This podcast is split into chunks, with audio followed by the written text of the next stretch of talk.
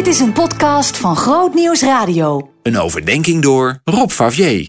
Bij onze zoektocht naar interessante woorden en uitspraken in de Bijbel stuiten we vandaag op de woorden van Rut. Ik weet niet of je de geschiedenis kent, maar het was zo dat Elimelech met zijn vrouw en twee zonen wegtrekt uit Juda naar Moab, omdat de hongersnood is uitgebroken. Maar het liep allemaal bepaald niet zoals ze oorspronkelijk hadden gedacht. Elimelech sterft en na een jaar of tien sterven ook de twee zonen. Die waren intussen getrouwd met Moabitische vrouwen, die nu samen met Naomi, de moeder, overblijven. Als de hongersnood voorbij is, wil Naomi terugkeren naar Juda en zegt tegen haar schoondochters dat ze het echt begrijpt als ze niet meegaan.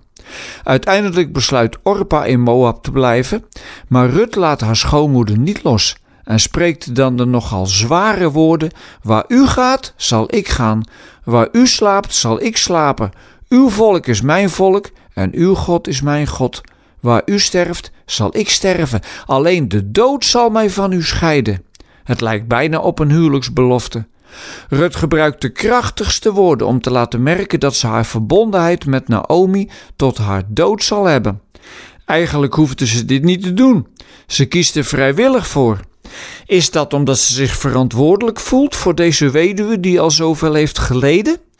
Of is het omdat ze iets ziet in het land waar ze naartoe zal gaan? Moab en de Israëlieten waren niet echt vrienden hoor. Van tijd tot tijd hadden ze zelfs flink oorlog met elkaar. En toch gaat ze met Naomi mee. Of is het om iets anders dat ze niet kan weten?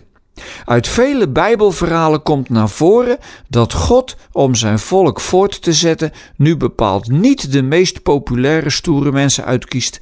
Van die onberispelijke mensen die nooit iets fout doen. Nee, helemaal niet.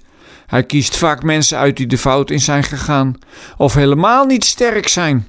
Mozes de stotteraar, Jozef het watje van de familie. En op een andere manier komt ook Rutte in dit rijtje te staan. Niet omdat ze niet sterk is, want ze neemt juist een ontzettend sterk besluit. Maar ze was wel iemand die er van oorsprong niet bij hoorde, omdat ze een Moabitische was. Laat nu uitgerekend uit Ruts nageslacht koning David voortkomen. En vele eeuwen later koning Jezus, daar zie je al dat Gods oog veel verder reikte dan alleen zijn volk.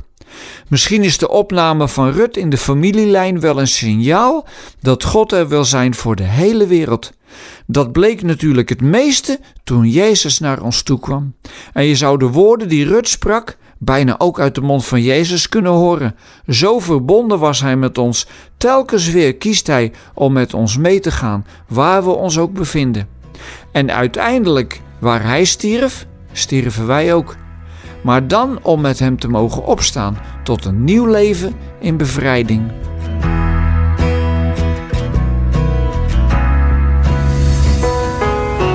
Meer verdieping? grootnieuwsradio.nl/podcast